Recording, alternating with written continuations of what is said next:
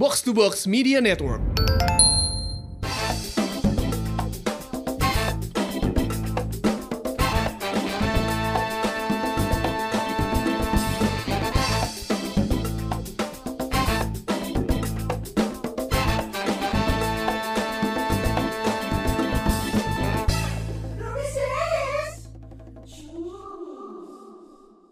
Ketiga dengan masih PSBB Provinsi Jawa Barat. Wah, gimana udah berapa kali batal? Saya sejauh ini ya, Eh. sejauh ini belum. Versi saya. loh, versi saya loh. versi Allah nggak tahu. Bener, Mas, bener. Karena menahan lapar haus hah, kecil, menahan libido anjing. Tapi masih coli gak? Co- coli? Tidak dong. Enggak sih, tapi gue sampai sejauh ini nggak ini nggak berhubungan, berhubungan badan. Karena Ka- capek coy, kasihan coy. Dan dan biasanya males ya? mandi malam. eh, kalau dia pengen baru lu respon. Enggak, enggak. Eh dosa. Kan dia yang pengen. Oh iya kalau dia pengen ya ayo. Tapi katanya capek. Enggak, dianya yang capek. Mana mana sih ada kobusnya iya iya iya bener ya. iya, iya. Itu bintang Emon sampai kesel loh. dibulak-balik, dibulak-balik anjir. Ya itulah. Tapi sih, ya sih, bener, orang orang orang setuju sih dia. Orang puasa selama tiga minggu ya ngerasa tamat sih. Tapi teingnya di sudut mata eh sudut pandang agama gue batal atau enggak karena gue masih nyium istri gue. Masih kok gue kalau itu mah. Ya, Pakai nafsu gua tuh- nggak? Nafsu enggak? Kalau misalnya Enggak lu enggak, say- sayang bukan lu. gitu, Tapi nggak pakai lidah. Abi, ke Abi. Ya iya iya tidak. Iya lagian lu, lu nyium kening pakai lidah ngapain? Nggak, gue, gue, gue kayak, Iya. kayak gue mau ke kantor nih, Iya. gue cium, cium jidat, cium pipi, cium bibir. Iya, sama. Gue juga masih nyium gitu ke istrinya si Abi. Eh, Salah dong. Lah, ini gak ada nyium istri gua atau gimana sih? Istri masih Karena istri lu berantakan. Oh iya. Berantakan istri lu berantakan katanya. Aduh. Tapi ini ini kan mereka bertiga nih episode juga bersawati selalu Eh, si melakukan goblok. Mereka, Bagaimana- mereka, mereka bertiga. Enggak, no, no, belum selesai. suci aja. Belum selesai. Selalu melakukan bagaimana ibadah gua. Gua harus share dulu ke kalian bertiga ya kalau gua itu adalah yang dari kecil Bagaimana ibadah lu? sampai dengan sekarang Tidak puasa. puasa, pasti ibadah gue meningkat lebih baik dibandingkan dengan bulan-bulan lainnya. Beres, beres ruku baca doa apa? Hah? beres beres ruku ya? Yes, ada temen yang nggak tahu. Iya. Anda kan emang gak tahu. Bukan cuman gua yang nggak tahu. Gue mau ngasih tau lebih kepada ini doang sih masalah kayak puasa dan lain-lain. Eh. Maksudnya gue tuh kayak yang paling seneng kalau ketemu bulan bulan Ramadan tuh karena gak tau gue bisa puasa, gue menikmati puasa, menikmati sholat subuh, ya kan? Oh sebelumnya gak sholat subuh? Eh tunggu tunggu yang, yang ada yang ngasih tahu nih. Apa tuh? Oh malaikat. tunggu tunggu. Bacot katanya. Udah gitu bacotnya bukan bacot becet. BCT tanda seru. Bacot Oh, Akmal. jadi sebenarnya bu- buat eh, buat lo bulan puasa nih eh, momentum buat mempertebal tiap tahunnya. Betul, mempertebal iman dan juga mempertebal dompet. Soal, Oh, sombong si anjing. Betul dong, karena bulan puasa kan tidak banyak pengeluaran makanan sebenarnya. Kalau buat gue mah dulu dikit dulu ya. Lo kan sekarang lebih rutin pengeluaran makanan. sekarang. Ari mana mere bulanan ke pemajikan teh sih? Dulu, dulu. Oh sekarang oh, enggak. sekarang enggak. Sekarang masih. Tapi Gimana sih jadinya? Enak ya jembaknya. Pada zaman gua dulu, Eh. ketika gua lagi sendirian, bulan puasa itu adalah bulan paling nikmat buat gua. Oh sekarang udah Karena gak bisa menghemat. Sekarang nikmat. Nah. Karena bisa menikmati masakan-masakan yang enak dari istri untuk berbuka puasa. Padahal lu di Jakarta anjing. Loh, kan karena di Bandung juga ada. istri. Oh ada di Bandung ada di Jakarta. Aduh susah ya. Biasa ada tiga bersawati. Yuk mari lanjutkan. Sorry. Bulan Ramadan yang terakhir. Oh, beresin dulu satu-satu. Jadi lo? gimana gimana? Lu mau nanya Di apa? Jakarta ada istri. Kagak ada. Oh gak ada. Enggak lu di Jakarta sama siapa sih? Jakarta gue ada keluarga gue, orang tua gue. Terus lu nyokap. di posisi kayak gini ninggalin istri sama anak lu gitu. Oh, listnya sama anak? iya. Untuk bekerja tapi Untuk coy, bekerja. cari nafkah. Iya dong. Beda kota. Heeh. Di saat gua bersatu ya. Oh iya. Eh pas PSBB, gua sama bini gua akhirnya tuh, lu malah bisa. Iya. Aneh aneh. Kok jadi aneh sih maksudnya ya memang gimana lagi. gimana karena lagi? satu sisi gue gak bisa meninggalkan si kerjaan di Jakarta karena kan masih tetap jalan kan. Betul, betul, betul. Karena media juga kan. Tapi ya balik lagi. Serius gue mau kalau dibilang kangen kangen beneran. Kangen beneran gitu. Kangenan mana sama istri sama PS? Eh dan dia mikir dong anjir. Oh udah aman. PES kan di Jakarta. Pers di iya. bawah, anjing. Iya. Pertanyaannya kangenan mana? Kalau dua-duanya nggak ada. Kalau nggak kita balik, lu lagi di Bandung, kangen PS di Jakarta, apa pas lagi di Jakarta kangen istri di Bandung? Eh, Anjir dia mikir dong. Goblok anjing. Emang goblok. Ya intinya gue kangen dengan dua-duanya. Nah itu aja jawabannya. Anjing. Bagus PS bisa kan? ngasih lo apa? Bisa ngasih lo anak. Kebahagiaan. Oh istri lu gak bisa ngasih lu kebahagiaan. Oh, Deddy Kebusirnya makin banyak. Aku seneng. Terus udah lagi, gitu gue lagi online. merasakan bintang tamu bintang tamu dari Corbusier. Ada tiga saat di depan gue soalnya. ya gitu sih pokoknya ya, ya itulah yang gue rasakan. Iya. Tapi iya. istri lu tahu ya? Apa? gue gak punya istri lain, gue cuma satu istrinya, ya kan. Iya, iya. Di Jakarta gue bekerja, Iya. kembali ke Bandung dengan perjuangan itu, Betul. ya kan. Di saat semuanya merasakan sulit, gue searching Twitter, dia suruh gue mal Instastory, cari tahu saya yang bisa bawa lo ke Bandung. Kita mau tag lagi, lo mau ketemu keluarga, Iya, oke. iya. segala Terus nah aing nu kudu riweuh kudu pemajikan maneh anjing. Iya, kayaknya sama juga sih udah kayak ya udah sana aja di sana aja gitu. Iya. Eh tapi beda gak sih? Lu lu ngerasain suasana Ramadan di Jakarta sendiri ya? Hah? Keluarga lu di sini gitu? Beda gak sih? Itu gimana sih, Mo? justru rasanya, Mo? justru gini, kalau gue Kalau ngerasain gue tiap Ramadan sih gak ada bedanya ya rasanya karena kan Eh, gue gak. Kan setiap puasa. Enggak, lu kan tahu ya gue gue tuh kan udah di Bandung dari anggaplah yang nggak ada keluarga gue ya, nggak ada orang tua gue ya 2008. Nah, Yang full bener-bener 2008 2009 tuh orang tua gue udah balik ke Jakarta, gue di Bandung sendirian. Hmm. Dan untuk pulang ke Jakarta ketika zaman gue di radio itu kayak sesuatu yang eh, effort. effort karena balik lagi lu kan harus kehilangan penghasilan ya kan terus kayak ya waktu apa ada segala macam gitu nah sekarang sih kayak gue di Jakarta dan Bandung gue jadi ngerasain zaman gue masih ya kayak dulu waktu kecil aja di Jakarta Tapi kan bini lu di situ lu nggak kangen taraweh bareng gitu sama keluarga? emang taraweh Nah si aja yang nanya sorangan ke orang. Eh tapi ngomong-ngomong tarawih eh, kan itu sunnah ya Bi ya? Sunah Sunnah Eh, muakkad. tahunya sunnah. Oh, sunnah muakkad itu gimana? Sunnah muakkad jadi kayak Tenot, tetot, tetonet. Tunggu, gua mau masuk dulu, gua bingung. mau akad bukan mau akad Eh, lu lihat nggak sih di videonya? apa tuh Angkatan Laut Amerika bawain lagu itu. oh ya Oh iya? Tenet tenet tenet tenet orkestra. Oh ya, Angkatan Laut Amerika Serikat keren ya? Terus nyanyi pakai bahasa Indonesia Iya, Hah? Asli. asli. Ada lu cari di Eh, YouTube. kita deh. telepon yuk Army. Wah, wow. Navy. Angkatan Laut Navy. Iya, iya. cari pesan bersawati ya terus mention kita di instastorynya Rupis Edis gue juga nonton itu kaget sih. Jadi kepikiran lagu akad. Gimana gak? Sunnah Jadi sunnah muakkad tuh sunnah tapi akad. tapi aing sih salah ustad euy. Gak apa-apa kan pengetahuan. Gak apa-apa. Hmm. Eh, Jadi sunnah itu ada dua. Yang pertama sunnah. lupa. Kan tadi lu Satu bilang. lagi, ya satu lagi ada sunnah muakkad ini. Nah, Muakkad. kayak eh, utama su- sunnah yang utama gitu. Oh, Oh, secara secara tingkatan ini yang Iya. paling atas. Iya. Sangat disarankan untuk dilakukan. Betul. Tarawih. Tarawih. Oh. Sama kayak sholat id ah gitu. Oh, sholat itu tuh bukan wajib sih Fatih. Sunnah. Sunah juga Sunah Sunnah. Sunnah. Oh. sudah dua tahun saya tidak. wow Jangan bilang alasannya gak ada koran. Eh, Nggak ada koran baru. Alasan. Kenapa? Eh ketawa goblok. Ketiduran Lu ya? jawab. Oh gua tahu. Lu pasti manasin gule. manasin Tapi bablas. ngomong-ngomong sholat itu gua dulu ya dulu banget nih zaman. Dulu, dulu dua, da- eh, tahun lalu mah gak dulu banget kali. Enggak, enggak. kalau dulu dulu bangetnya lu tuh Gue inget 70-an. tahunnya, gue inget tahunnya. Oke, 2003 gue inget. oh oke Wih, udah lama dong. Dulu kalau malam takbiran buat di masa muda, itu malam takbiran ke mana? Nongkrong. oh iya Iya benar benar benar benar. Iya. Nongkrong. Iya. Di mana itu udah sudah hari libur kuliah. Oke. Ya, nongkrong. Jadi gue ke tongkrongan siang-siang karena teman-teman sudah di sana, sudah di kios. Ini nggak jauh dari studio inilah. Oh, di ja- Jalan Tuku Umar. Nongkrong di situ di kios tek. Nah, bro, ay meren, ay ay gitu siang ya. Jadi begitu dulu lah ya begitu. begitu. Eh, balik dulu ya. Eh, Oke, gue balik dulu nih. Balik dulu, motor simpan, bawa mobil malamnya. Jadi mandi terus bawa mobil. Mobil yang mana? Dulu pakai Veroza gue.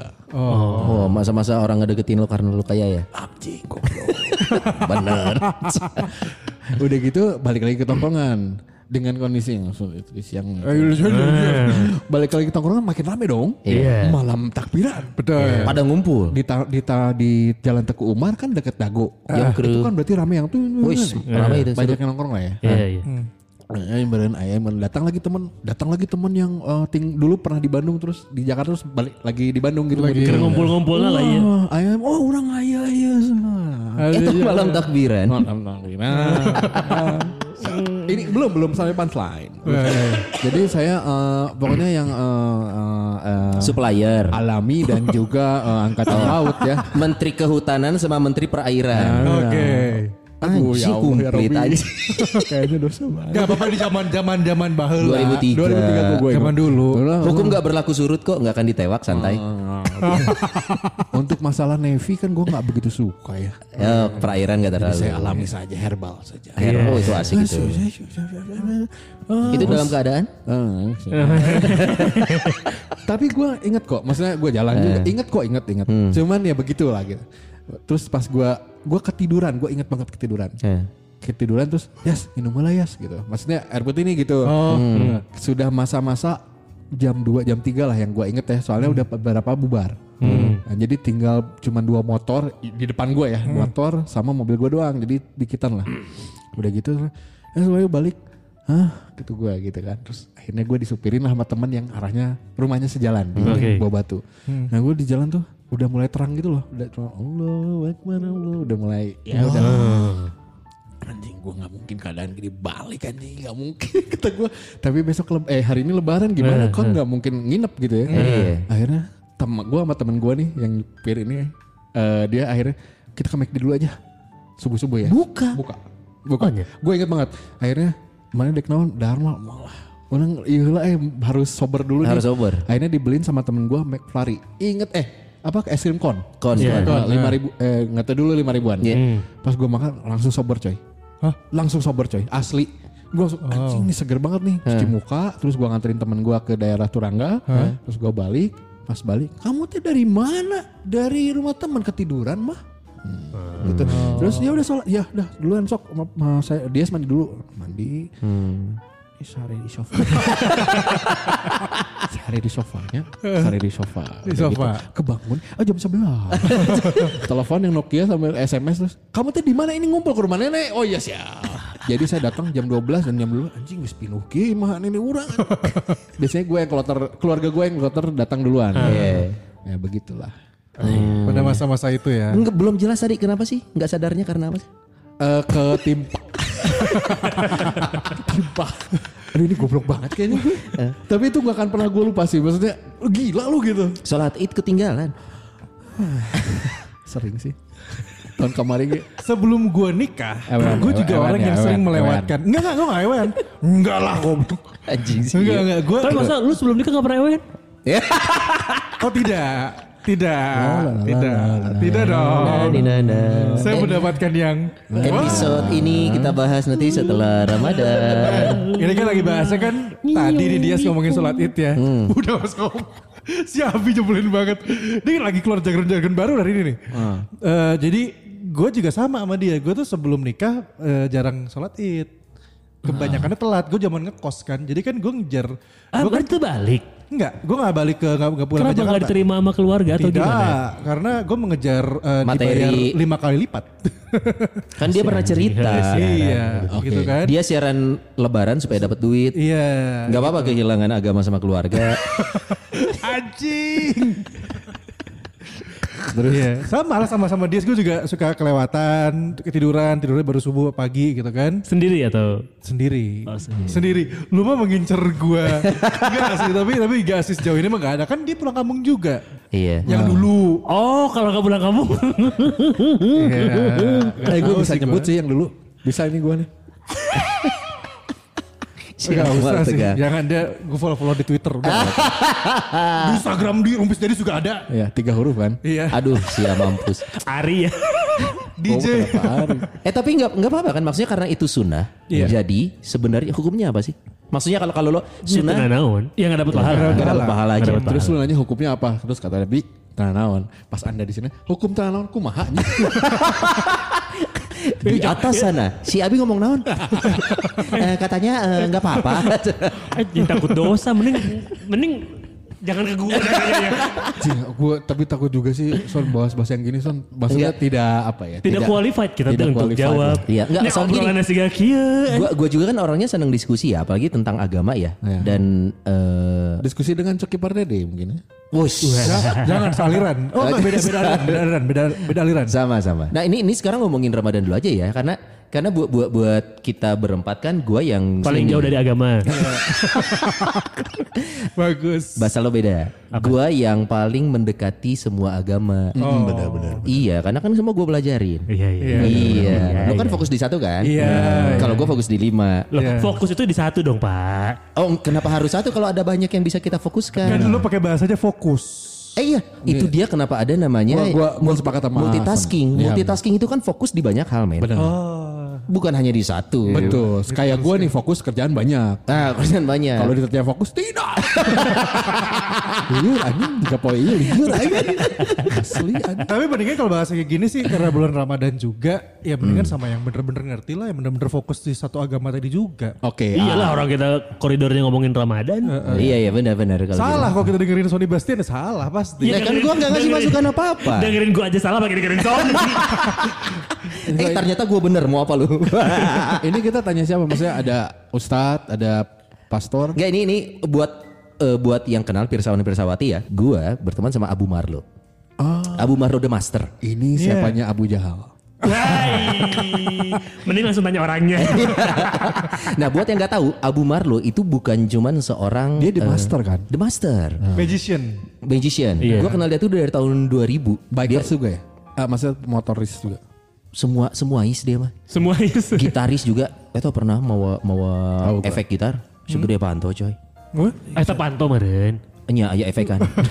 Iya, itu panto tapi bentuk gitar. Efek. nah kebetulan di saat yang sama Abu Marlo ini juga dia mendalami agama juga. Banyak yang suka berdiskusi sama dia juga. Nah harapannya sih bisa ngasih eh, sesuatu yang mungkin kita baru tahu akhirnya. Oh. Secara ilmu ya, karena yang namanya tabayun itu perlu. Betul. Sepakat Cari ya. tahu ya. Cari tahu kita nih. Oh, betul. Sehat bu. Sehat.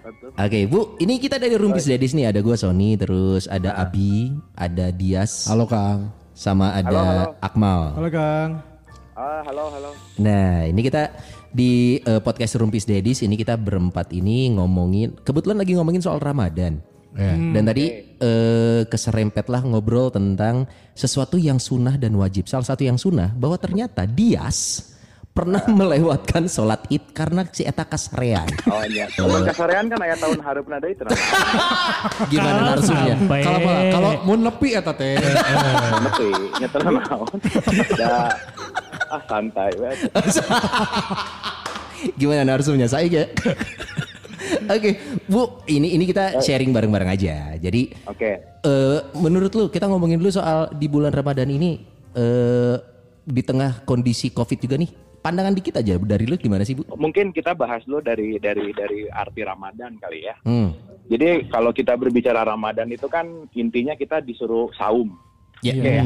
Oke, jadi kalau kalau kita me- menyitir dari satu statement di dalam perintah puasa itu bahwa ya ayyuhalladzina amanu kutiba alaikumusiyam kamu tuh bersiam Hmm. Hmm. untuk merubah dari iman menuju kepada takwa gitu intinya. Oke ya. Oke. Oke. Hmm. Nah, jadi jadi puasa itu adalah tools untuk merubah seseorang beriman untuk naik level kepada orang yang bertakwa gitu. Hmm. Oke ya. iya, Nah, iya. Oke. makanya puasa itu bukan goalsnya, puasa itu bukan tujuannya, tapi puasa itu adalah tangga dari naik ke lantai Medianya satu, ya.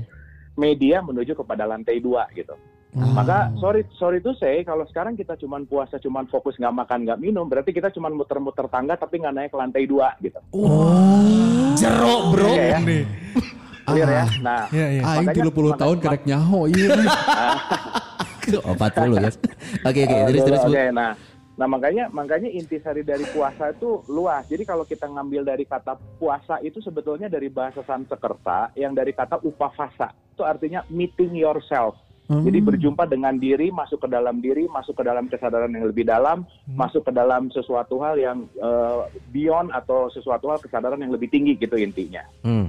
Nah, orang akan sulit masuk ke dalam kesadaran karena kenapa? Karena terlalu banyak berpikir, terlalu banyak sibuk dengan faktor eksternal di luar dirinya sehingga dia tidak mencerminkan atau dia tidak hiraukan faktor internal di dalam dirinya.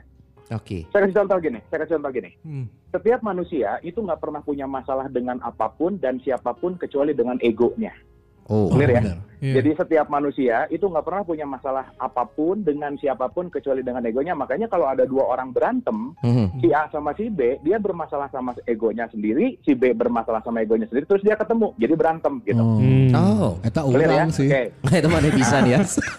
clear ya? Eh. Oke. Nah, pertanyaannya, berarti si ego ini ada di luar diri kita atau di dalam diri kita? Di dalam. Nah, yang menarik adalah semua orang hari ini kalau punya masalah mencari jalan keluar, padahal problemnya ada di dalam. Maka kalau punya problem jangan cari jalan keluar, tapi cari jalan ke dalam. Hmm. Karena kenapa? Iya. Karena kenapa? Semua sumber problem itu ada di dalam diri kita gitu. Wow. Itu intisarinya. Nah, Hmm. berarti kalau saya mau masuk ke dalam diri, nomor satu yang harus dilakukan adalah tidak terlalu menyibukkan pikiran. Hmm. Jadi Oke. begitu pikiran begitu pikiran kita terlalu sibuk, maka hati kita akan tertutup. Maka hati yang terbuka adalah ketika pikiran dengan perasaan, pikiran dengan hati itu terkoneksi. Nah, untuk tidak menyibukkan pikiran dalam bahasa upafasa tadi adalah silent your mind to open your heart, gitulah kira-kira bahasa sederhananya. Hmm, Nah, iya. salah satu caranya yang paling menyibukkan manusia dalam mengambil energi ke dalam keseharian adalah makan dan minum, gitu salah satunya. Hmm. Karena ketika makan dan minum kita itu benar-benar menyibukkan sesuatu. Jadi gini, kalau tubuh kita ini menyerap atau tubuh kita ini melakukan aktivitas, dia perlu energi. Oke? Betul. Yang perlu diketahui adalah tanpa ngapa-ngapain otak kita mengambil energi tubuh itu 25% kalau otaknya normal. Kalau Iya. sibuk 30%, 40%. Nah, sekarang waktu ngunyah makanan, waktu digest makanan itu energi juga bekerja dengan sangat sangat sangat sangat sangat sibuk gitu. Hmm. Jadi si energinya otak kepake, ke makanan kepake, maka kita nggak punya waktu untuk bisa masuk ke dalam. Kenapa? Energinya sibuk sama makan, Yeah. minum, pikiran, makan, minum, pikiran, makan, minum, pikiran. Nah, makanya kenapa 30 hari retret deh, 30 hari silent, 30 hari jeda, 30 hari kamu melakukan sesuatu hal yang tidak terlalu banyak berpikir supaya kamu bisa merasakan esensi yang lebih dalam dari di dalam diri gitulah kira-kira Hmm, intinya. hmm. Nah, makanya kita dilatih 30 hari ini untuk tidak makan dan tidak minum. Kenapa? Karena dengan tidak makan dan tidak minum, energi kita tersaving untuk tidak mendigest makanan, untuk tidak terlalu sibuk mikirin makanan. Karena sok sekarang kita renungin. Bangun tidur udah mikirin breakfast, jam 10 udah mikirin brunch, setengah satu udah mikirin lunch, setengah empat afternoon tea, setengah tujuh dinner. Benar nggak? Sih. Setiap hari Asli, itu, asli. setiap hari itu yang kita pikirin tuh hampir 60% itu apa yang harus dimakan. Padahal lapar itu ada dua, secara psychological dan biological. Hmm. Yang bahaya adalah ketika lapar psikologi, tubuh tuh nggak perlu makanan sebenarnya. Tapi psychological kita yang mendorong kita untuk makan, jadi akhirnya si tubuh nggak perlu asupan nutrisi, tapi berlebihan nutrisi. Akhirnya si tubuh ini tidak dalam kondisi homeostasis gitu. Homeostasis itu artinya seimbang. Hmm. Makanya kalau kita kebanyakan makan, apa yang terjadi? Kita akan ngantuk. Ngantuk, apa yang terjadi? Kita akan tidak banyak sadar. Tidak ba- tidak banyak sadar, apa yang terjadi? Kita tidak akan banyak mendapatkan sesuatu hal yang masuk ke dalam esensi-esensi kehidupan gitulah kira-kira. Wow. Jadi intinya Ramadan itu intinya adalah jeda deh sesaat gitu. Hmm, hmm, hmm. Jeda sesaat Pause, karena ya. begitu kamu jeda sesaat, begitu kamu hening sesaat, kamu akan menemukan jawaban apa pun di dalam kehidupan karena kenapa? Semua jawaban hidup itu ada di dalam diri kita sebenarnya. Yep. Cuman karena kita terlalu sibuk nyari keluar, kita terlalu sibuk pengen jadi orang lain, kita terlalu sibuk melihat sesuatu yang di luar, kita tuh lupa bahwa sumber sejati, sumber sejati semua, everything lah, sebutin semuanya, itu udah within your heart sebenarnya, within yourself gitu. Jadi Ramadan intinya adalah membawa dirimu untuk masuk ke dalam dirimu untuk menemukan dimensi yang paling dalam, kesadaran yang paling dalam atau bahasa kerennya adalah enlightenment gitu lah kira-kira. Enlightenment ya. Si enlightenment ini kan perlu waktu untuk bertumbuh gitu. Betul. Clear ya? Nah, Hmm. saya kasih contoh gini, saya kasih contoh gini. Kita mau masuk ke dalam eh, kebiasaan baru itu perlu waktu. Saya kasih contoh, misalnya kalau saya hari ini nanam eh, bibit melon, Hmm. nggak bisa dong besok langsung keluar buahnya. Ya. Alam semesta mengajarkan bahwa berprogres itu adalah sesuatu sistem fitrah. Berprogres itu sistem natural atau bahasanya sunatullah gitu. Hmm. Nah so, kalau kita pengen jadi new self, kita pengen jadi manusia yang baru dengan kesadaran yang lebih baru, maka kita harus melakukan setidak-tidaknya 21 hari tanpa berhenti melakukan hal yang sama, maka kita akan masuk ke dalam kebiasaan baru gitu. Ya. Maka kenapa sering disebut 21 21 hari 21 uh, challenge gitu. Hmm. 21 challenge karena kenapa? Kalau nggak 21 hari kebiasaan baru itu tidak akan menjadi Terbentuk. sesuatu hal yang rutin, nggak Iya. akan terbentuk gitu. Maka kalau kita berbicara dari sudut neuroscience, itu si otak kita itu neuronnya tuh belum jadi jembatan gitu. Nah, di hari ke-21 jembatannya udah jadi, maka kita akan mendapatkan new enlightenment. Maka Hmm. kenapa di bulan Ramadan di hari ke-21-nya disebut malam Lailatul Qadar, ya. malam yang penuh dengan cahaya gitu. Artinya kita sudah menemukan sesuatu hal yang baru, sesuatu hal yang dulu mungkin karena terlalu sibuk berpikir, terlalu khawatir, dan perlu diketahui bahwa manusia modern hari ini 70% itu dalam keadaan stres dan depresi. Betul. Kenapa? Karena manusia modern hari ini terlalu memikirkan mainstream, di mana dia lupa bahwa eh, kapabilitas dirinya itu lebih jauh lebih hebat daripada mainstreamnya, tapi dia terbatas oleh pemikiran karena pengen terlalu jadi orang lain gitu, Hmm. terlalu nunjuk keluar, over judgment. Pokoknya kita terlalu sibuk menilai keluar, menilai keluar, akhirnya kita lupa bahwa kita itu sebetulnya udah udah menjadi sumber yang luar biasa sebenarnya, gitulah kira-kira. Nah, jadi kalau kalau mau berbicara COVID-19, eh, saya akan sebut COVID-19 ini adalah the blessing gitu. Kenapa? Kita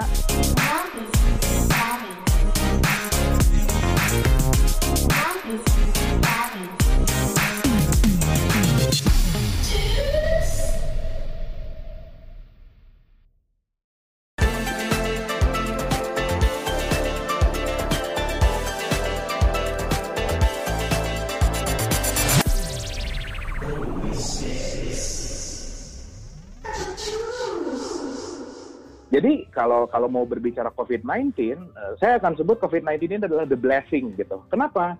Kita dipersiapkan Ramadan sebelum Ramadan, kita disuruh masuk dulu ke dalam diri, disuruh work from home. Itu kan kita sebetulnya sedang melakukan kalau saya sering eh, ngasih lecturing itu namanya adalah jeda semesta gitu. Ya. Jadi semesta lagi mengajarkan kepada kita untuk jeda dari kesibukan kita, rutinitas kita, become the new normal, become menjadi new self, become menjadi sesuatu hal yang lebih baru, lebih dinamis, lebih mengalir. Akhirnya kita akan meninggalkan habits kita yang lama dan kita akan mendapatkan pemikiran yang baru, kesadaran yang baru. So, dengan pemikiran dan kesadaran yang baru kita akan menjadi new self gitu.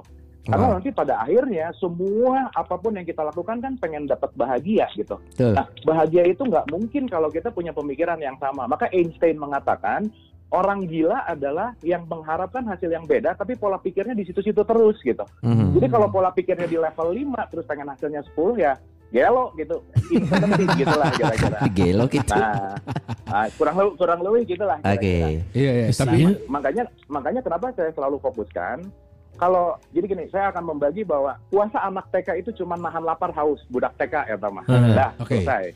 Jadi kalau cuman eh, puasa puasa oke nggak makan nggak minum ya udah Hmm. bagus juga sih. Hmm. Tapi kalau misalnya kita mau naik ke higher self kita tidak makan dan tidak minum itu adalah penunjang supaya kita bisa benar-benar feel a feeling gitu. Dengan kita lapar, dengan kita haus, lebih dari 18 jam makanan tidak masuk, hormon tubuh kita mengeluarkan sel yang namanya autopagi. Autopagi itu adalah sel yang bisa membunuh sel-sel kotor, sel-sel jelek di dalam tubuh dan dia baru aktif ketika kita tidak memasukkan makanan selama lebih dari 16 sampai 18 jam. Hmm. Nah berarti waktu kita berpuasa, secara biological cells kita diperbaiki, secara jiwa kita diperbaiki, secara ruhania kita diperbaiki, jadi mind, body, and soul kita sebenarnya lagi dinetralisir dengan keadaan Ramadan ini dengan tujuan akhir bahwa kalau kita semua jadi membaru, ya jadi become new self gitu. Ada sesuatu yang dulu nggak pernah kelihatan, dulu nggak pernah kepikiran, yang kita lihat masalahnya, solusi itu udah mulai terang gitu. Kenapa? Karena pikiran kita lebih luas, kesadaran kita lebih luas, semuanya lebih bisa diterima dengan pemikiran yang lebih berbeda. So once become new self, you will be happier. Gitulah kira-kira bahasa sederhananya. Maka di hari ke-30 kalau udah diulang-ulang, kamu kembali ke fitrah. Fitrah means kembali ke nature. Fitrah means kembali kepada kesadaran alamiah seorang manusia. Fitrah means kembali kepada sesuatu hal yang lebih lebih baik gitulah kira-kira bahasa gampangannya gitulah. Oke. Jadi kenapa pinter banget ya? Kamu baca bukunya apa sih? Gila, ini gue gue dapat insight-nya bertubi-tubi nih. Ini, eh. Gua baru Nah, tahu gitu. Nah. Eh. cuman yang cuman yang menarik sekarang itu Ramadan itu seakan-akan kegiatan teologis keagamaan yang harus gitu. Iya. Jadi kalau orang menjalankan karena keharusan, dia Ya. kehilangan kerelaan hatinya untuk melakukan. Eh, Karena kenapa? gitu. Gitu loh. Ah. Ngerti ya? Iya iya iya. Karena nggak rela, jadi karena harus. Nah, keharusan itu akan membuat psychological self kita jadi agak tertekan. Makanya puasanya nggak happy. Kenapa? Dah kudu gitu. Untuk Yeah. puasa orang dosa, untuk puasa orang asup neraka gitu. Untuk Hmm. puasa, Nah, gitu untuk puasa orang era kabaturan. Untuk puasa orang era, bener nggak? Itu semua yang kita pikirin semuanya, semuanya itu semua dari faktor eksternal gitu. Iya. Nah makanya kenapa eh, Nabi Muhammad mengatakan bahwa banyak yang puasa mah banyak, cuman dia cuma dapat haus dan lapar, tapi dia tidak mendapatkan the new enlightenment gitu. Dia Hmm. tidak mendapatkan kesadaran yang baru di dalam hidupnya, dia nggak jadi new self gitu.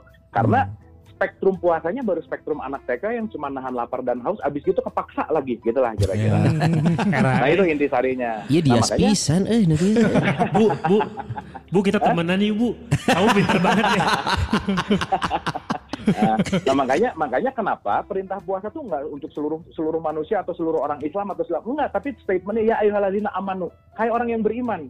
Orang beriman tuh artinya sadar dulu gitu, tahu dulu knowledge-nya. Jangan lu nggak tahu knowledge tapi main puasa gitulah kira-kira. Karena Benar. begitu kita nggak tahu knowledge-nya terus kita ngerjain pun nggak akan jadi maksimal. Tapi it's okay juga. Tapi mau berapa lama kita akan di level Hmm. TK kalau kita tidak meningkatkan kesadaran kita untuk lebih dalam menghadapi puasa itu bukan sekedar tidak makan dan tidak minum, tapi meningkatkan kesadaran ruhaniah kita, meningkatkan komunikasi kita dengan Tuhan, memperbaiki komunikasi kita dengan Tuhan dengan mengheningkan diri, masuk ke dalam diri, masuk ke dalam jeda dan masuk ke dalam hening gitulah kira-kira bahasa Nah. sederhana. Bu, ini kan eh, secara secara gambarannya kayak jelas banget ya detail gitu ya. Hmm. Nah ini sekarang di, di usia kita yang masih muda-muda ini, Hey, yang masih hey. penuh, yang masih Hey. penuh dengan adrenalin gitu ya. Oke. oke. Ada beberapa hal yang ini buat gue pribadi nih, eh, kadang kan gini, beribadah itu harus yakin. Ini ada sih, kudu yakin lah ya. Nah di selama selama Ramadan itu ada beberapa hal yang buat gue pribadi masih ngerasa nggak yakin. Nih nggak yakin ini boleh nggak ya? Ini ini bener nggak ya gitu. Contoh paling Oke, sederhana oke, kan kita semua oke. udah berkeluarga di sini nih. Nah kalau kalau di bulan puasa kayak nyium istri kayak ini gitu, tadi itu, obrolan kita di awal nih ya. Heeh, itu itu itu bikin batal tuh sih sebenarnya. Oke, gini. Gini ya, batal anak TK sama batal kesadaran ruhaniah beda nih. Nah, nah, Kan oh. terjawab. Lu merasa dibenarkan si Dias nyipok sahawai mana? Oke, sekarang gini, kebayang nggak kalau sekarang kita disuruh menghening, tapi Hah? disibukkan dengan ego, berarti mengheningnya otomatis juga berarti terganggu gitu. Hmm. Clear ya? Nah Hmm. makanya kenapa salah satu ego itu adalah salah satu misalnya ego ingin makan minum itu kan adalah ego, Hmm. seksual adalah ego gitu. Hmm. Hmm. dan seterusnya apa pun everything jadi jadi sorry nih ya kadang-kadang ada yang orang puasa tuh mikir cuman mak- nggak makan nggak minum contoh misalnya ini ini pengalaman pengalaman pribadi waktu syuting pernah banget kejadian syuting di bulan Ramadan jam Hmm. 11 siang Ya. kameramen sama kreatif director berantem karena ada satu hal dan seterusnya Oh ya. cuman yang keren jam 11 siang si kameramen ngomong gini sorry ya gua nggak mau berantem karena gua lagi puasa Woi keren oke ya orang kan gitu ya kira-kira ya. Hmm. Tapi dia komai, nanti kita selesaiin abis buka puasa. Tahun beda sama abis. Ya iya, gitu.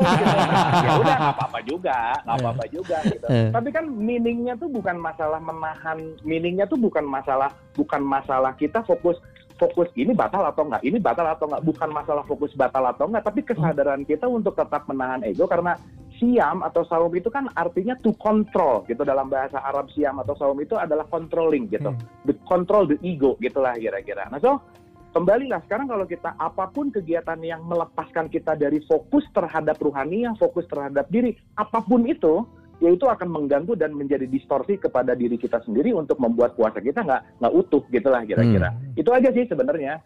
Jadi Hmm. hemat saya sih nggak usah terlalu takut sama ya batal atau hentenya. Ah, Tapi yang penting adalah understandingnya gitu.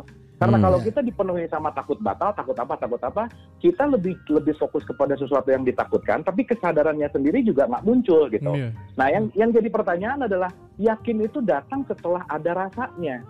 Nah, makanya percaya sama yakin beda gitu. Saya percaya tapi belum tentu saya yakin. Hmm. Saya percaya tapi belum tentu saya bisa meyakini. Karena kenapa? Orang yang udah yakin itu udah nggak perlu kata-kata, udah nggak perlu suara. Karena kenapa? Dia udah masuk ke dalam ranah rasa gitu. Nah, Iya. makanya kita tuh sekarang disuruh melakukan experiencing supaya keyakinan Ramadan dan puasa ini secara esensi adalah bagaimana kita masuk ke dalam kesadaran kita yang lebih baik karena output puasa itu cuma ada tiga sebenarnya Hmm. Kan tadi dibilang Hmm. iman kamu puasa supaya jadi orang takwa oke Iya. Ya. Semua ibadah ritual, mau sholat, puasa, umroh, haji, kurban, itu semua tangga. Tapi target akhirnya adalah takwa. Hmm. Maka Hmm. la'alakum tatakun, la'alakum tatakun. Maka di surat 49 ayat 13 selalu dikatakan bahwa orang yang paling mulia itu adalah orang yang paling bertakwa. Nggak ada kalimat orang yang paling mulia adalah orang yang rajin puasa. Nggak ada. Orang yang Hmm, paling iya. mulia adalah orang yang rajin sholat. Nggak ada. Ya. Kenapa? Karena puasa, sholat, zakat, umroh, haji itu menghantarkan kita untuk jadi orang yang takwa. Kalau udah nyampe ke, tang- ke tangga tak, ke tingkat takwa ini, Hmm. that's it. So, the goalsnya adalah takwa. Nomor satu, takwa esensinya adalah nomor satu, bersedekah baik lapang maupun sempit. Nggak pelit gitu nomor satu. Hmm. Nomor dua, menahan amarah. Itu orang takwa tuh. Dan Hmm. nomor tiga, memaafkan kesalahan orang lain. Jadi sorry to say, rajin tahajud tapi susah maafin orang, ya belum nyampe juga gitu. Iya, Rajin sholat juga. tapi susah maafin orang, ya belum nyampe juga gitu. Berarti masih muter-muter di tangga tadi, tapi belum nyampe ke titik aslinya. Nah makanya, supaya saya nggak pelit, supaya saya bisa menahan amarah, supaya saya bisa memaafkan orang lain, sok latihan 30 hari, kamu boleh makan siang sebenarnya. Hmm. Tapi jatah makan siang kamu jangan kamu makan, kamu kasihin dong ke fakir miskin gitu. Hmm. Jadi niat puasa itu bukan masalah saya nggak pengen makan, nggak pengen minum, bukan. Saya bisa makan, tapi saya sadar saya tidak akan mengambil jatah makan saya siang saya karena saya mau ngasihin jatah makan siang ini untuk fakir miskin. Nah itu namanya puasa gitu. Tapi kalau ada orang bangun tidur setelah sahur nomor satu yang dipikirin, engke buka makan naon ya uang jauh lah ya teman. Berarti berarti TK lah gitu. Itu Yang kami loh. cuman ah, cuman mindahin makan siang ke malam, cuman menjamak takir makan siang ke malam, terus terus di mana letak ketakwaannya gitu, di mana Iya, letak iya. ibadah sosialnya, di mana letak bagaimana kamu memberikan, bagaimana kamu peduli terhadap orang yang susah makan misalnya dan seterusnya gitulah kira-kira. Nah makanya nggak usah jauh-jauh lah gitu kita mikirin ini batal apa. Nggak usah jauh-jauh. Pelit aja udah membatalkan puasa gitu. Wah, ini gambarannya gitu Bu, dalam ngomong-ngomong an- antum ini mengkuliti kita semua loh.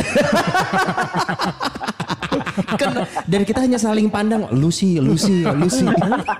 Aing bisa, dan, aing bisa. dan, dan, dan, dan yang menarik kalimat puasa itu selalu selalu didetailkan dengan statement ya ayuhallazina amanu kutiba alaikumusiyam kama kutiba orang-orang terdahulu juga melakukan hal yang sama gitu. Hmm. Jadi ini bukan barang baru. Setiap agama, setiap tradisi pasti ada ritual puasa di dalamnya. Kenapa? Karena hanya dengan berpuasa lah salah satu jalan untuk menemukan kesadaran ilahiyah yang terdalam Iya. gitu. Betul. Makanya Setuju, setuju. Makanya puasa itu sebetulnya menyepi. Kalau di, di, di, di Bali itu menyepi itu ya Hmm. sama sebenarnya secara Hmm. esensi. Makanya semua nabi dan rasul itu mendapatkan wahyu ketika mereka naik ke gunung, naik ke gua Hiro, naik ke mana dan seterusnya karena mereka masuk ke dalam hening moment gitu. Nah Ya. makanya COVID-19 is a blessing karena kenapa? Semesta lagi menyadarkan manusia hari ini untuk bisa masuk ke dalam state meditate di dalam dirinya, bertafakur. Karena kenapa? Sok sekarang masjid ditutup, Hmm. Masjidil Haram Iya. ditutup, Iya. Iya. Vatikan ditutup, sinagog ditutup, betul nggak? Hmm. Iya, betul. Berarti Vatikan tempat ibadah semua udah tidak efektif untuk menemukan Tuhan di situ gitu. Karena Hmm. Tuhan nggak pernah ada di masjid gitu. Tuhan nggak pernah ada di gereja. Tuhan nggak pernah ada di wihara dan seterusnya. Karena kenapa? Itu semua hanyalah sarana untuk bisa memasukkan ke dalam dirimu. Maka COVID-19 mengajarkan kita semua agar kita bisa masuk ke dalam diri kita karena kita akan menemukan Tuhan, kita akan menemukan Allah tidak di luar diri kita, tapi di dalam hati kita yang terdalam gitu lah kira-kira. Ini Mampus lu semua. Aduh, orang Era, era, orang, eh, orang era sih aing nggak pernah. Aing tuh bisa ngeheure, aduh era sumpah era kadiri orang sorangan era. Iya, sumpah. eh.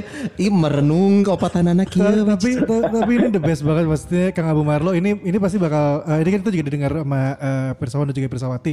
Nama pendengar si podcast Rupis Dia di sini ya semoga bisa jadi bisa jadi kayak apa ya? Bisa jadi kayak bentuk ini ya, bentuk introspeksi diri, bentuk eh, insight baru. Betul. Karena mungkin Betul, ya bener betul. tadi ego tadi karena balik lagi kita juga yang kita rasain kita aja yang ngisi Rupis Dia, karena kita masih ego untuk oh begini harus begini, puasa terus begini gitu loh. Ternyata Iya, kita sering kali Iya. kita sering kali masih berdebat di permukaan ya untuk hal-hal yang yang lu bilang tadi Bu Eh, bukan Betul. tentang do's and don'ts ya, tapi esensi yang lebih dalam adalah apa yang ada dalam diri lu sendiri itu.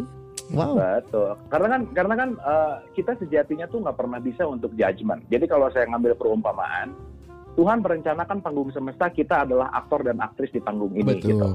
Clear ya? Nah, Hmm. sekarang kalau kita mau berbicara itu, berarti kalau dalam konteks yang namanya kehidupan, hidup itu adalah belajar, kan gitu?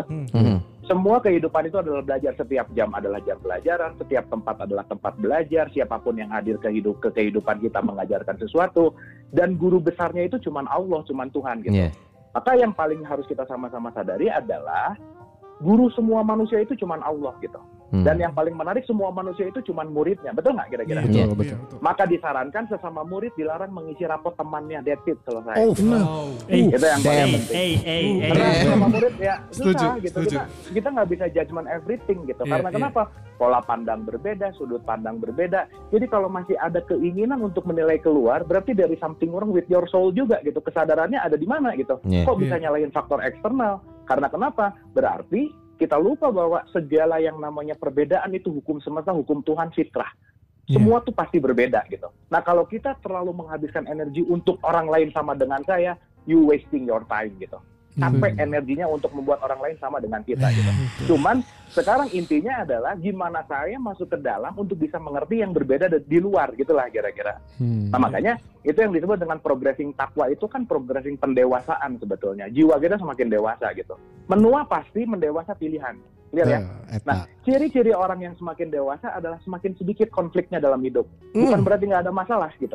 Tapi konfliknya nggak terlalu besar. Artinya, dia sudah mulai bisa merefleksikan bahwa apa yang terjadi di luar pasti diakibatkan apa yang terjadi di dalam gitu. Jadi kalau di luar terjadi yang dia lihat adalah di dalam dulu gitu. Oh, kenapa dia datang? Karena terjadi sesuatu dengan apa yang ada di dalam diri saya. Jadi saya nggak nyalahin dia gitu. Hmm. Karena boleh jadi Tuhan atau Allah meminjam tangan dia supaya kita menjadi orang yang lebih sadar, Nah. sabar misalnya. Makanya dia nyebelin ke kita gitu. Hmm. Tapi karena kita nggak sadar bahwa dia adalah suatu pembelajaran untuk kita menjadi orang sabar, kita jadi benci sama orangnya. Iya. Contoh aja sederhana.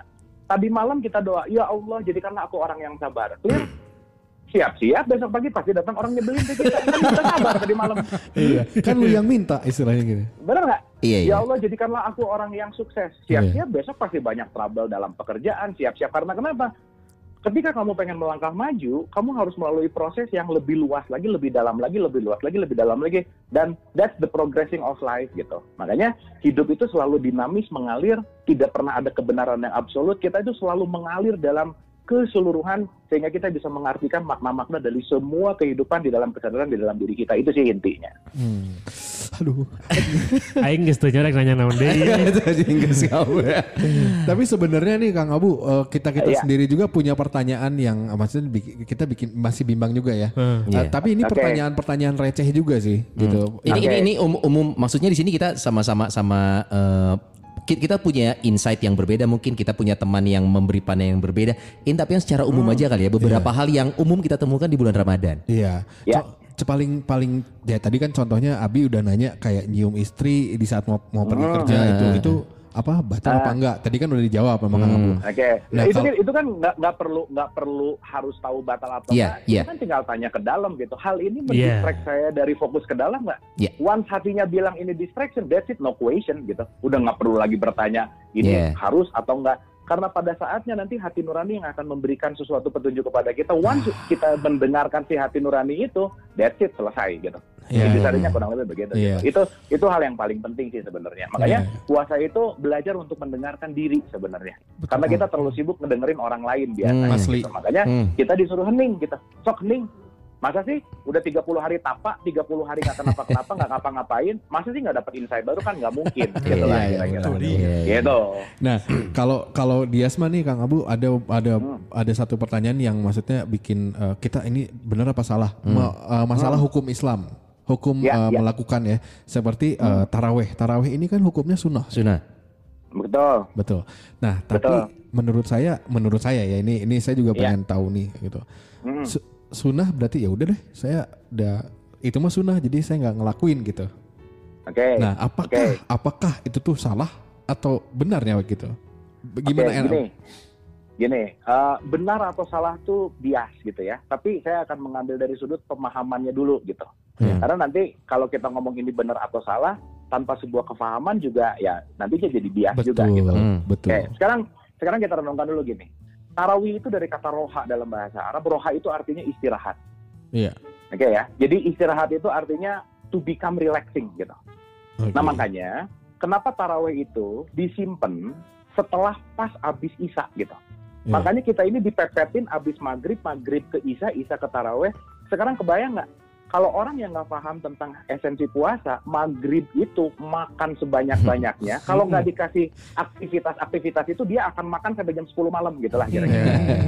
Clear ya? Iya. Makanya disekat ada maghrib dulu, ada isya dulu, sok taraweh dulu, supaya kita nggak kembali lagi kepada kerakusan makanan kita, kerakusan minuman kita, supaya kita tetap hold, supaya kita tetap benar-benar ada di dalam kesadaran, maka nggak disibukin lagi sama makan dan minum. Itu satu gitu. Oke. Jelas ya? Ya. Jadi jadi esensinya ada di situ untuk menyadarkan. Yang kedua, apa pun bentuk yang namanya ibadah mau sunnah mau wajib, intinya adalah meningkatkan kesadaran gitu. Oke. Intinya ada di situ gitu. Maka maka kenapa selalu dikatakan Inna sholata tanha anil fahsya iwal munkar. Sholat itu mencegah dari perbuatan keji dan munkar. Hmm, Berarti taraweh salah satunya adalah membuat juga kita supaya tidak keji dan munkar. betul. Berarti efek dari 11 rokaat kah, 23 rokaat kah, bukan masalah 11 23-nya, tapi kekejian dan kemunkaran kamu berkurang atau enggak. Maka kita bisa berkurang keji dan munkar kalau kita dalam keadaan sadar gitu. Pertanyaannya, lawan kata sadar apa sih? Mabuk gitu. Jelas ya? Maka sorry itu saya nih, sorry itu saya. Eh. Kalau sebelum zuhur ngomongin orang, setelah zuhur tetap ngomongin orang, berarti dia masih mabuk gitu. Berarti zuhurnya dia nggak paham gitu. Berarti dia cuman menggerakkan ritual, cuman olahraga, tapi olah rasanya nggak dapet gitu. Iya. Karena dia nggak ngerti. Hmm. Jangan-jangan iftitahnya dia nggak paham apa isinya, jangan-jangan al-fatihahnya nggak paham apa isinya. Ruku Dia hanya menjalan, ah, dia hanya menjalankan kewajiban-kewajiban gerakan, tapi begitu Iya. ditanya esensinya apa, dia juga nggak ngerti. Kenapa Iya. saya berani bilang, ini tahun ke-9 saya research, nih saya pernah nanya sama 600 orang yang sholat. Hmm. 90% dari orang yang saya tanya tentang sholatnya, dia nggak ngerti apa yang dia baca waktu sholat gitu. Ini kita di sini ngacung yang- semua. Tambahkan obat.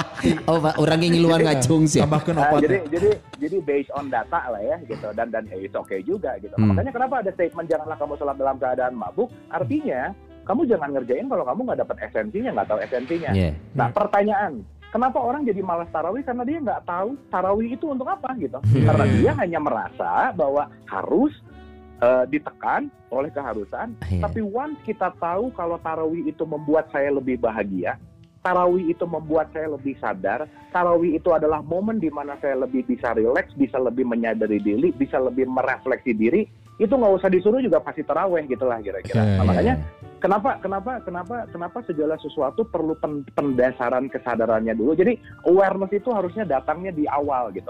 Hmm. Baru ada peri- ada ada ada perilakunya. Tapi ya nggak apa-apa ya karena yang sudah terjadi kita tiap hari sholat, tiap hari apa dan lain it's okay. Tapi kan nggak ada salahnya sekarang kita menyadari bahwa si sistem ritual tadi itu untuk mendapatkan kesadaran spiritualnya yang lebih baik sebenarnya. Hmm. Gitulah kira-kira. Nah, so mau benar atau mau salah ya your choice gitu. Karena benar atau salah ya pilihan juga terserah gitu. Betul. Makanya nggak pernah ada nggak pernah ada maksa harus atau apa dan apa pun. Iya. Iya. Tapi intinya adalah itu adalah sarana yang sudah diberikan oleh satu sistem ritual. Kalau kamu melakukannya dengan sangat sadar, dengan sangat penuh sukarela, maka kamu akan menjadi new self gitu. Makanya Iya. taraweh orang yang paham sama taraweh orang yang nggak paham pasti outputnya beda. Iya. Gitulah kira-kira. Itu sih intinya. Nah, Orang tarawih lain. Iya. Udah, Pak. tapi tapi sebagai manusia eh ini nggak sih manusiawi nggak sih Bu kalau ternyata kita sering kali lebih lebih lebih me- melihat apa yang orang lakukan atau mendengarkan apa yang orang omongin ke kita tentang benar atau salah gitu daripada kita mencoba melihat ke dalam diri sendiri gitu. Tapi itu manusiawi nggak sih saat kita mencoba mencari mana yang benar, mana yang salah dan kita lebih banyak Ah. mendengarkan orang gitu. Ya, ya. Itu itu memang karena kita sudah terdidik secara 95% kita memang dipengaruhi oleh faktor eksternal. Waktu Oh. kita bayi, Iya. 95% semua info datang dari luar. Mhm. gitu. Jadi waktu kita dari bayi menuju remaja itu informasi datang dari luar. Jadi memang kita sudah terbiasa untuk meletakkan keputusan itu di eksternal gitu. Oh. Nah makanya kita perlu titik balik untuk menemukan diri sejati kita. Nah itu yang disebut dengan yang namanya enlightenment tadi gitu. Ternyata bukan faktor eksternal yang akan memberikan jawaban, tapi internal kita. Sekarang mau ada 10 orang bijak berbicara, mau ada 1000 orang eh, orang pintar berbicara, tapi kan tetap eh, pilihan ada di dalam dirimu gitu. Iya. Karena faktor eksternal tuh nggak bisa memengaruhi apa pun tanpa kesadaran di dalam gitu intisarinya. Nah, so kita harus melatih nih. Karena kita sudah terbiasa, kita harus melatih. Maka dengan latihan kita akan menjadi new self, kita akan menjadi punya breaking the habits yang lama untuk jadi yang baru. Yang menarik adalah kasih contoh misalnya. Ada orang yang ngeluh, aduh, gua tuh pemarah. Pemarah itu nggak mungkin tiba-tiba jadi orang yang suka marah, nggak bisa karena tiap hari dia melatih dirinya baik sadar maupun tidak untuk jadi orang yang marah gitu. Iya. Tapi pertanyaannya, berapa kali sehari kita melatih diri untuk jadi orang bahagia? Itu aja pertanyaan. Oh. Karena kita jarang melatih diri untuk bahagia dalam keadaan apa pun gitu. Karena si egonya terlalu melampaui daripada kebahagiaan kita. Nah, Asli. so become happiness juga nggak langsung terjadi happy, nggak bisa karena kita harus membiasakan untuk bisa menerima, membiasakan untuk bisa melihat secara clear mind, secara eh, netral. Karena dengan pelatihan yang berulang-ulang itulah itu akan membuat diri kita menjadi lebih baik. Maka ritual itu selalu diulang-ulang. Maka we are what we repeat gitu. Kita Hmm. melakukan Hmm. mengulang-ulang apa ya itu kita akan jadi seperti itu. Kita tiap hari latihan main gitar ya pasti jago main gitar. Kita Hmm. latihan tiap hari jadi orang marah ya pasti jadi jago pemarah. Tapi kalau kita membuat dan memilih diri kita untuk melatih bahagia dalam keadaan apa pun, so you will be expert on happiness gitu lah kira-kira. Itu aja sih sebenarnya. Bu, ini kita di sini kalau Abu lihat babak belur semua. Tapi jadi bagus sih. Kalau menurut gue ini insight banget. Gak cuma buat kita kok. Saya buat ya, gue yakin buat buat Pirsawan juga Pirsawati. Pirsawati. Selamat babak belur ya, Pirsawa dan Pirsawati ya. Iya orang merenung sih balik ke Imah ya. Terbuka lah. Ini, ini terbuka lah kita lah. Pandangannya Iya. lah. Eh, Bu, Bu, ini ini kita di, di penghujung obrolan kita berarti ini ya. Eh, Ah, Oke oke oke oke. Oke, eh, di antara kita berempat ini kan gue gue non muslim nih. Gue non Ya, muslim. Eh, Dias, Akmal sama Akmal juga kan? iya dong. sama Abi nih. Eh, ini ini ini sesuatu yang mungkin tiap tahun kita sering lihat di televisi ya. Berulang-ulang. Berulang-ulang. Kita disibukkan dengan sesuatu yang sebenarnya agak-agak nyambung dengan apa yang pertanyaan gua barusan nih tentang do's Ya. and don'ts datangnya dari luar segala macem. Ini Ya. kita berteman baik berempat ini dan gua akan sangat gua akan eh, sangat senang sekali kalau gue bisa mengucapkan untuk tiga temen gua dan juga Pirsawan Pirsawati untuk eh, selamat hari raya Idul Fitri. Is it okay for me? Ya, sekarang gini, sekarang gini. Eh, saya Abu bisa tampil sebagai Abu dan saya Abu bisa tampil sebagai manusia. So mau pilih yang mana? Kalau saya tampil sebagai Abu, saya akan membawa keatributan kepintaran saya, keagamaan saya, kepemikiran saya, keegoan saya, that's it gitu. Hmm. Tapi ketika kita dihidupkan dalam universe, kita dihidupkan dalam ke kemanusiaan. So once kita beyond dari diri kita, kita akan tampil dengan kemanusiaan dan tidak melihat itu A, B, C, hitam, merah, putih. That's it. Karena kenapa? We are all human. That's it. After all, we are all human gitu. Hmm. Intisarinya ada di situ gitu. Nah so intinya adalah balik lagi ke tadi gitu. Benar atau salah itu nggak pernah ada yang absolut lah gitu Hmm. intisarinya. Karena benar atau salah hitam atau putih itu semuanya konsep dari kacamata pandangan masing-masing gitu. Dan ingat manusia itu lebih banyak nggak taunya daripada taunya. Jadi Hmm. jangan memilih sok tahu gitu. Artinya, artinya once kita menyadari bahwa kita lebih banyak tidak taunya, berarti kita harus learn gitu lah. Kita harus banyak belajar dan seterusnya gitu. Nah Hmm. itulah kenapa kalau kita mengacu kepada semua kitab suci lah, semua Hmm. kitab suci.